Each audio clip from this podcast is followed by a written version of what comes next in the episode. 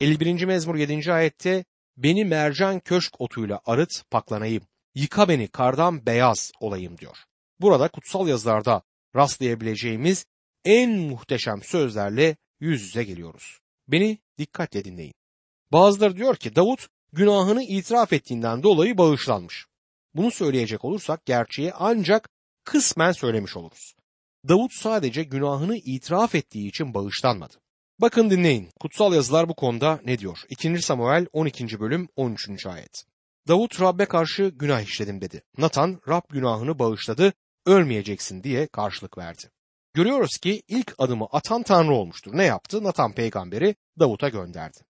Eğer Tanrı Nathan peygamberi göndermemiş olsaydı Davut koltuğunda acılar içerisinde oturup günahını gizlemeye çalışacaktı.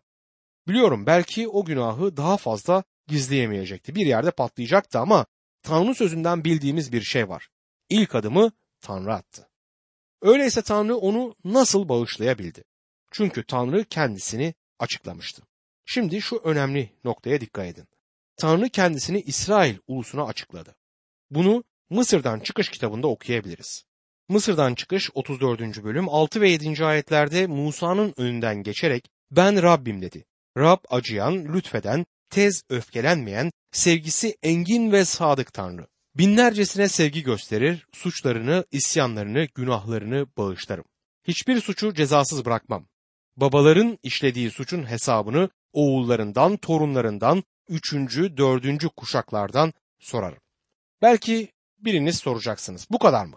Bundan daha ileriye gitmiyor mu? Tabii ki gider. Üçüncü, dördüncü kuşaktan daha ilerilere de gider. Ama insan bundan ilerisini göremez. Yani bir insan kendi günahının üçüncü, dördüncü kuşağa kadar devam ettiğini görebilir, ondan ilerisini göremez çünkü ömrü bu kadar uzun değildir. Ancak bu ayetlerde dikkatinize sunmak istediğim bir şey var.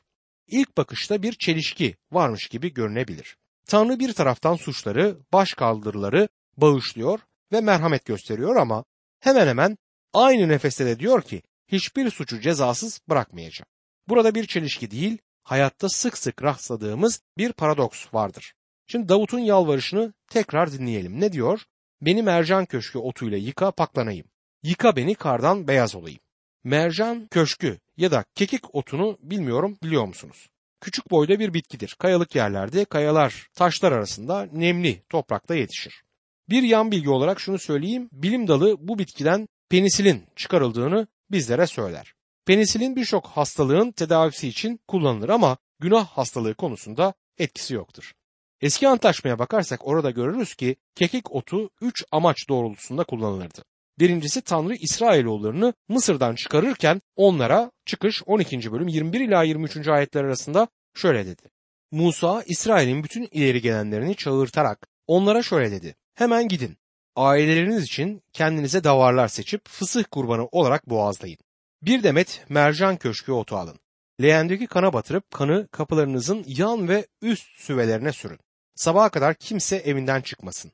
Rab Mısırlıları öldürmek için gelecek, kapılarınızın yan ve üst sövelerindeki kanı görünce üzerinizden geçecek.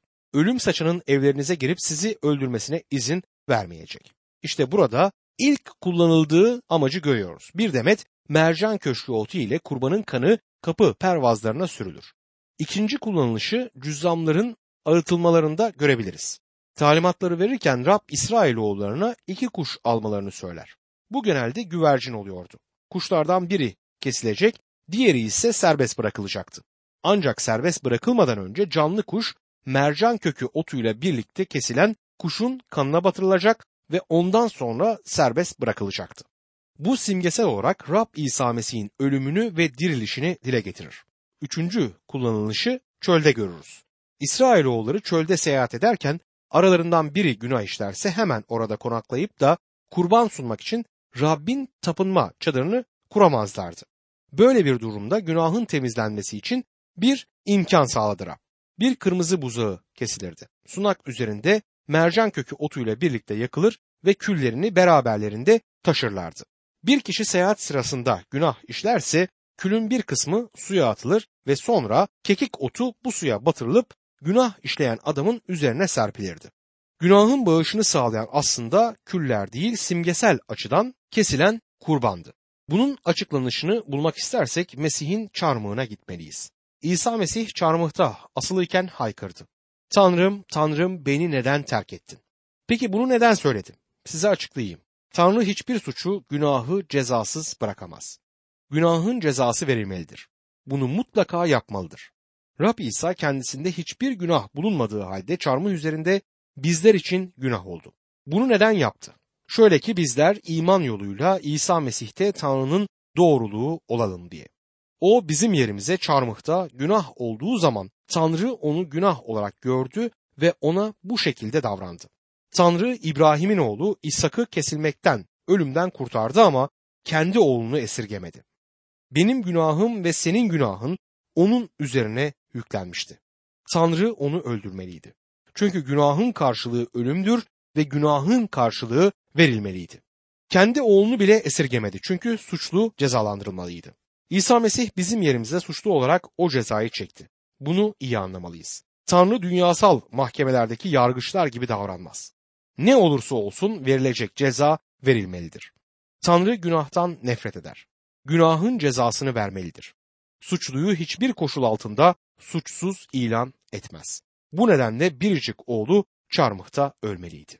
Çarmıhtayken İsa Mesih, baba onları bağışla dedi. Ben buna şaşıyorum. Onları nasıl bağışlayabilir ki? Binlerce insana merhamet elini nasıl uzatabilir? Günahlı insanların günahlarını nasıl bağışlayabilir? Davut'u nasıl bağışladı? Seni ve beni nasıl bağışlayabilir?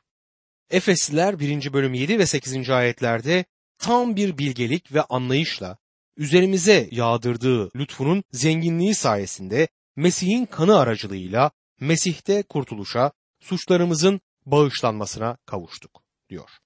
Yeni antlaşmada nerede bağış söz konusu oluyorsa onun yanında İsa Mesih'in kanını da görmekteyiz. Şunu iyice anlamalıyız ki Tanrı insanın günahını Mesih'in ölümü ve dirilişi olmaksızın asla bağışlayamaz. Asla diyorum. Tanrı merhametli ve şefkatlidir. Ama günahı merhametinden dolayı bağışlamaz. Günahları bağışlıyor çünkü onun biricik oğlu o günahların cezasını ödemiştir. Şimdi açık kollarla sana diyebiliyor ki sana merhamet gösterebilirim. Çünkü benim biricik oğlum senin için öldü. Evet Davut beni kekik otuyla arıt paklanayım. Yıka beni kardan beyaz olayım derken Tanrı'nın yüreğine giden yolu biliyordu. İsa Mesih'in çarmıhtaki ölümünü kendi günahları için kabul etmişti. Şimdi 51. mezmurun son konusu arıtılmak ve paydaşlık içinde sesleniş konusuna geldik. Şimdi kardeşim Davut günahlarından arıtılmak ve Tanrı ile beraberlik içinde olmak amacıyla yalvarır.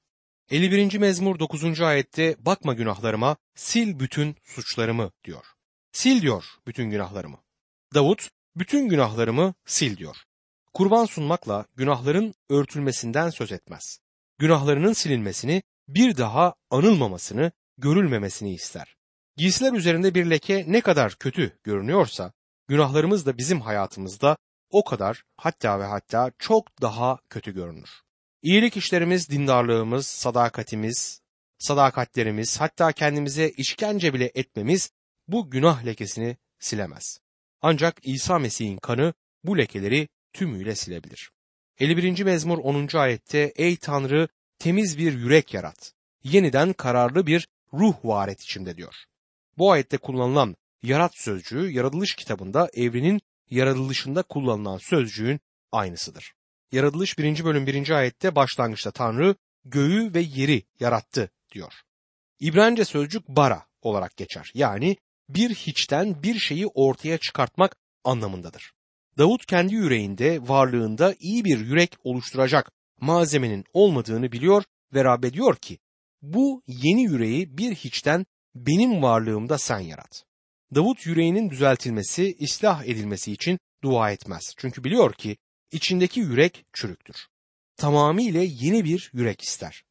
Bazen duyarız, yüreğimi Rab'be verdim ya da yüreğini Tanrı'ya ver gibi ifadeler kullanılır. Aslında bizim Rab'be verebilecek iyi bir şeyimiz yok. Özellikle yüreğimizi Rab'be versek bile Rab bu bozuk, çürük yüreği ne yapacak? O kirli, çürük yüreğimizi ancak çöplüğe atması gerekir. O sana yeni bir yürek vermek istiyor. Rabbimizin yapmak istediği aslında budur. Ey Tanrı temiz bir yürek yarat bende diye Davut yalvarır. Efesliler 2. bölüm 10. ayette çünkü biz Tanrı'nın yapıtıyız. Onun önceden hazırladığı iyi işleri yapmak üzere Mesih İsa'da yaratıldık diyor kutsal kitap. Bunun yanı sıra yalnız yüreğimizin değil tüm varlığımızın yenilendiğini de bildirir. 2. Korintiler 5. bölüm 17. ayette bir kimse Mesih'te ise yeni yaratıktır. Eski şeyler geçmiş, her şey yeni olmuştur der. Kardeşim bu yeni yüreği Rab'den almamışsan şimdi onu iste. Davut'un bir de ricası var. 51. mezmur 11. ayette beni huzurundan atma, kutsal ruhunu benden alma diyor. Davut kral olarak atandığı zaman kutsal ruh onun üzerine gelmişti. Kutsal ruhtan yetki ve güç alarak İsrail ulusu üzerinde Tanrı'nın istediği şekilde hüküm sürebilirdi. Tanrı'nın seçtiği kişi Davut'tu. Davut'un bu duası yani beni huzurundan atma, kutsal ruhunu benden alma tarzındaki duayı bir Mesih imanlısı yapamaz. Neden mi? Çünkü Mesih'in ruhu sende yaşıyorsa o seni asla terk etmeyecektir. Onu üzebiliriz ve aşırı durumlarda söndürebiliriz ama onu asla hayatından uzaklaştıramazsın. Tanrı sözü şöyle diyor. Efesliler 4. bölüm 30. ayette. Tanrı'nın kutsal ruhunu kederlendirmeyin. Kurtuluş günü için o ruhla mühürlendiniz. Evet, kurtuluş günü için o ruhla mühürlendiniz. Mührü hiç kimse açamaz. Seni Rabbin ellerine teslim edinceye kadar kutsal ruh seni mühürlemiştir kardeşim. Bu nedenle Tanrı çocuğu kutsal ruhtan ayrı kalamaz. Ancak şunu söylemeliyim ki kutsal ruh bir imanlının hayatında işlemez durumda olabilir ki Davut'un hayatında o günahından sonra böyle olmuştu. Davut kutsal ruhun hayatında çalışmaya devam etmesi için dua edip yalvarır. Sonra 51. mezmur 12. ayette şöyle der. Geri ver bana sağladığın kurtuluş sevincini. Bana destek ol. İstekli bir ruh ver. Gördünüz mü Davut kurtuluşunu yitirmedi. Sadece o kurtuluşunun getirdiği sevinci kaybetti. Artık Tanrı ile iletişim içinde olamıyordu. Tanrı ile beraberliğini yitirdi. Paydaşlığı kalmamıştı. Kaybolan oğul gibi öğrendi ki Tanrı'dan uzak kaldığı zaman hayat anlamsız ve çekin oluyor. Dünyanın çekiciliği Batşeva gibi güzel birisi olsa dahi kısa zamanda itici olmaya başlar. Değerli bir şeyi kaybetmişti ve bunu Rab'den ister. Peki ne amaçla? 51. mezmur 13 ila 15. ayetler arasında baş kaldıranlara senin yollarını öğreteyim. Günahkarlar geri dönsün sana. Kurtar beni kan dökme suçundan. Ey Tanrı, beni kurtaran Tanrı, dilim senin kurtarışını ilahilerle övsün. Ya Rab, aç dudaklarımı. Ağzım senin övgülerini duyursun. Yeniden Tanrı'ya yürekten övgüler sunmak ister Davut. 51. mezmur 19. ayette ise o zaman doğru sunulan kurbanlar, yakmalık sunular, tümüyle yakmalık sunular seni hoşnut kılar. O zaman sunağında boğalar sunulur diyor. Sadece Tanrı'yı övmek istemez. Onu aynı zamanda hayatıyla hoşnut etmeyi de ister. Ferisilerden Simon adında biri İsa'yı yemeğe çağırdı. İsa Mesih de Ferisinin çağrısını kabul edip onun evine gitti. Sofrada otururlarken İsa Mesih'in orada bulunduğunu duyan bir sokak kadını Ferisinin evine geldi. Yahudilerin özellikle Ferisilerin gözünde bu kadın çok günahkar sayılırdı. Kadın beraberinde kaymak taşından oyulmuş bir kap içinde hoş kokulu çok pahalı bir esans getirmişti. Eve girip İsa Mesih'in arkasında durdu. Bir yandan ağlıyor, gözlerinden akan yaşlarla İsa Mesih'in ayaklarını ıslatıyordu. Bir yandan da saçlarıyla onun ayaklarını kurulayarak onları tekrar tekrar öpüyor, beraberinde getirdiği esansı üzerine sürüyordu. Bu olayı izleyen ev sahibi kendi kendine bu adam gerçekten peygamber olsaydı kendisine dokunan bu kadının nasıl bir kişi olduğunu, onun kötü karakterini bilmesi gerekirdi diye düşünüyordu. İsa adamın düşüncelerini anlamıştı. Ona Simon, sana bir şey söyleyeceğim dedi. Buyur öğretmenim dedi Simon. İsa ona şöyle bir öykü anlatmaya başladı. Bir faizcinin iki kişiden alacağı vardı. Birisinin borcu 100 milyon, öbürünün ise 10 milyon liraydı. Ama her iki borçlu da borcunu ödeyemiyordu. Bunun üzerine alacaklı her ikisinin de borcunu bağışladı. Şimdi sana göre borçlulardan hangisi onu daha çok sevecektir? Simon sanırım kendisine daha çok borç bağışlanan adam diye cevap verdi. İsa Mesih Simon'a doğru söyledin dedi ve bundan sonra kadına bakarak Simon'a şunları söyledi. Bu kadını görüyor musun? Ben senin evine geldim ama sen bana hiçbir hizmette bulunmadın. Sen ayaklarımın tozunu yıkamak için su vermezken bu kadın ayaklarımı gözyaşlarıyla ıslatarak saçlarıyla kuruladı. Sen benden selamlaşma öpücüğünü esirgerken bu kadın eve girdiğinden beri ayaklarımı öpüp duruyor. Sen başıma yağ sürme nezaketini göstermezken bu kadın ayaklarıma çok değerli, hoş kokulu yağ sürdü. Bu nedenle sana şunu söyleyeyim. Bir sürü günahı olan bu kadının bütün suçları bağışlandı. Bu yüzden de beni fazlasıyla seviyor. Oysa kendisine az bağışlanmış olan kişi az sevgi gösterir. Sonra kadına günahların bağışlandı dedi. Bu öyküyü Luka 7. bölüm 36 ila 48. ayetler arasında okuyabilirsiniz. Kardeşim sen Tanrı'nın sevgisini nasıl ölçersin? Kendi günahlarının ne kadar çok olduğunu görebildiğin aşamada Tanrı'nın sevgisini de görebilirsin. Belki günahlarını görmüyorsun. Belki görüyorsun ama önemsemiyorsun. Bunları Tanrı'nın önünde itiraf etmiyorsun. En son ne zaman günahlarından dolayı Tanrı'ya yalvardın? Hatırlıyor musun? Ne zaman bunu son olarak yaptın? Rabbe şükret ki İsa Mesih'te sana kurtuluş sunulmaktadır. Ancak hatırlamalısın ki günahlarını itiraf etmen gerekir. 52. mezmurdan 55. mezmura kadar bir seri oluşturan mezmurların birincisi 52. mezmurdur. Bu mezmurlar Mesih karşıtı adam hakkında kutsal kitabın başka hiçbir yerinde verilmeyen bilgileri bize vermektedir. Mesih karşıtı Deccal Mesih diye de bilinir. Bu adam ne zaman gelecektir? İnsanları günah işlemeye nasıl teşvik edecek ve sonunda bir diktatör olarak dünyaya nasıl hükmedecek diye tam da olmasa peygamberlik niteliğinde bilgileri bize aktarmaktadır bu mezmurlar. Büyük sıkıntı döneminde İsrail ulusu üzerine bir süre hükmedecek olan yine bu Mesih karşıtıdır. Rabbimiz İsa Mesih Zeytinlik Dağı'ndaki konuşmasında bu kişiye değindi. Eski antlaşmada Daniel peygamber ve yeni antlaşmada Elçi Paulus bu adamdan söz eder. Bu mezmur serisindeki mezmurlar yine maskil mezmurlarıdır. Yani bilgilendirici, anlayışımızı açan, eğitici özelliklere sahip mezmurlardır. Bu kez gelecek günler konusunda bize derin ruhsal gerçekleri gösterirler. Peygamberlik konusu günümüzde iddialı bir konudur. Çünkü bazıları çılgın düşünceleri bu gelecek günler konusundaki peygamberlik sözlerine yorum olarak eklerler. Eskatoloji denilen bu alanda yani son günlerle ilgili konularda fanatik görüşler ve fikirler sadece ileri sürülmekle kalmaz aynı zamanda da empoze edilmeye çalışılır. Bu alanda bazı fikirler ileri sürülüyor ki bunların düşünülmesi bile çılgınlık sayılmalıdır. Doğal olarak içinde yaşamakta olduğumuz bu çalkantılı günlerin belirsizliği ve bunun oluşturduğu kaygılardan dolayı birçok kişi Tanrı sözüne dönüp orada çağımızda yer almakta olan bazı olaylara anlam vermeye çalışır. Batı dünyasında düzenlenen peygamberliklerle ilgili konferansların sayısı her gün artmaktadır. Bu konferanslardan bazıları daha önce eskatoloji ile hiç ilgilenmeyen kiliselerce düzenlenmektedir. Bugünümüzde gelişen olayların yarattığı katkıların ve belirsizliğin iyi bir göstergesi olarak görülmektedir. Bazı konuşmacılar ise kutsal kitaptaki son günlerle ilgili peygamberlik sözlerinin yorumunu yaparken sansasyon yaratmaya çalışır ve bunu yaparken çoğu kez açıklamaları Tanrı sözüne ne yazık ki dayanmaz. Şimdi birbiri ardına ele alacağımız bu dört mezmur gelecek günlerin Mesih karşıtı ya da Deccal Mesih diye bilinen bu adam hakkında bize detaylı ve doğru bilgileri aktaracaktır. Bu noktada daha önce belirtmiş olduğum bir şeyi tekrarlamak isterim. Mezmurlara verilen başlıklardaki açıklamalarda kutsal kitabın her sözü gibi tümüyle Tanrı sözüdür. Bu mezmunun başlığında şöyle bir açıklama bulunur. Koro şefine bir maskil, Davut'un mezmuru, Edomlu Doek gelip de Davut Avimelek'in evine gitti diye Kral Saul'e bilgi verdiği konusunda yazılmıştır. Yani kısaca diyebilirim ki bu adam Edomlu Doek Davut'a ihanet etti.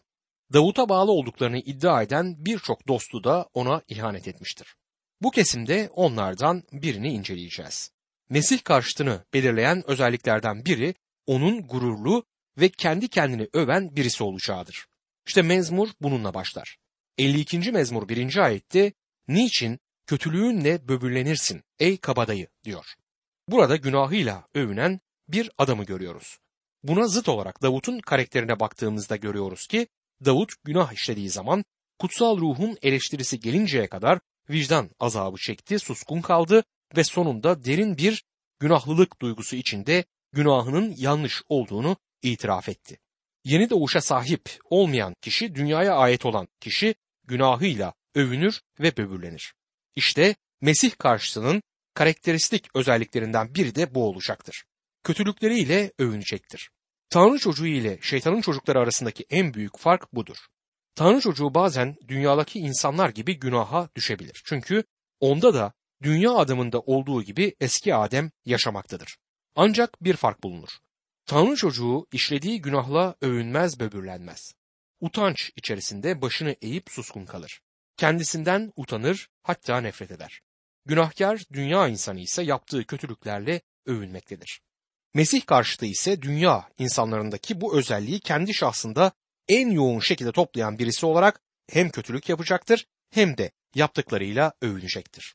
Biliyor musunuz günahkarlar onu bu özelliğinden dolayı seveceklerdir. 52. mezmur 2. ayet Tanrı'nın sadık kullarına karşı bütün gün dilin yıkım tasarlar, keskin ustura gibi ey hilekar diyor. Tanrı bu günah adamına kısa bir süre sabredecektir.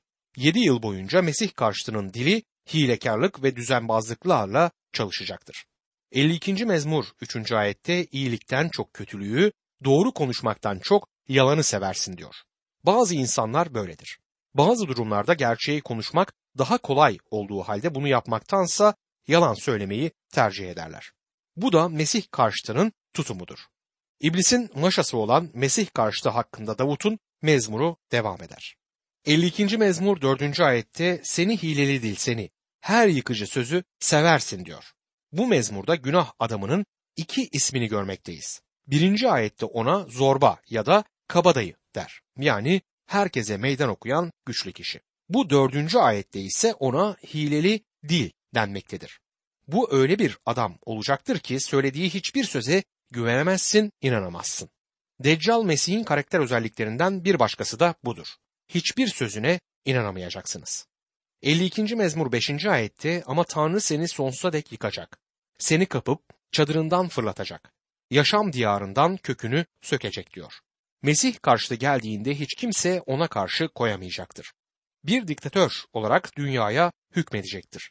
Tanrı'dan başka hiç kimse onun hakkından gelemeyecektir. Rab İsa Mesih tekrar yeryüzüne döndüğünde bu güçlü adamı yerle bir edecek, onun tozunu bile görünmez hale getirecektir. 52. mezmur 6 ve 7. ayetlerin başında doğrular bunu görünce korkacak, gülerek şöyle diyecekler. İşte bu adam Tanrı'ya sığınmak istemedi. Tanrı bu adamı Mesih karşıtını yargı kürsüsü önüne getirince, onu yok edince ilginç bir şey olacaktır. Daha önce bu adamdan korkan, onun önünde tir tir titreyen insanlar ona güleceklerdir. Herkesin önünde rezil rüsva olacaktır bu günah adamı. Herkes onunla alay edecektir. 52. mezmur 7. ayet işte bu adam Tanrı'ya sığınmak istemedi.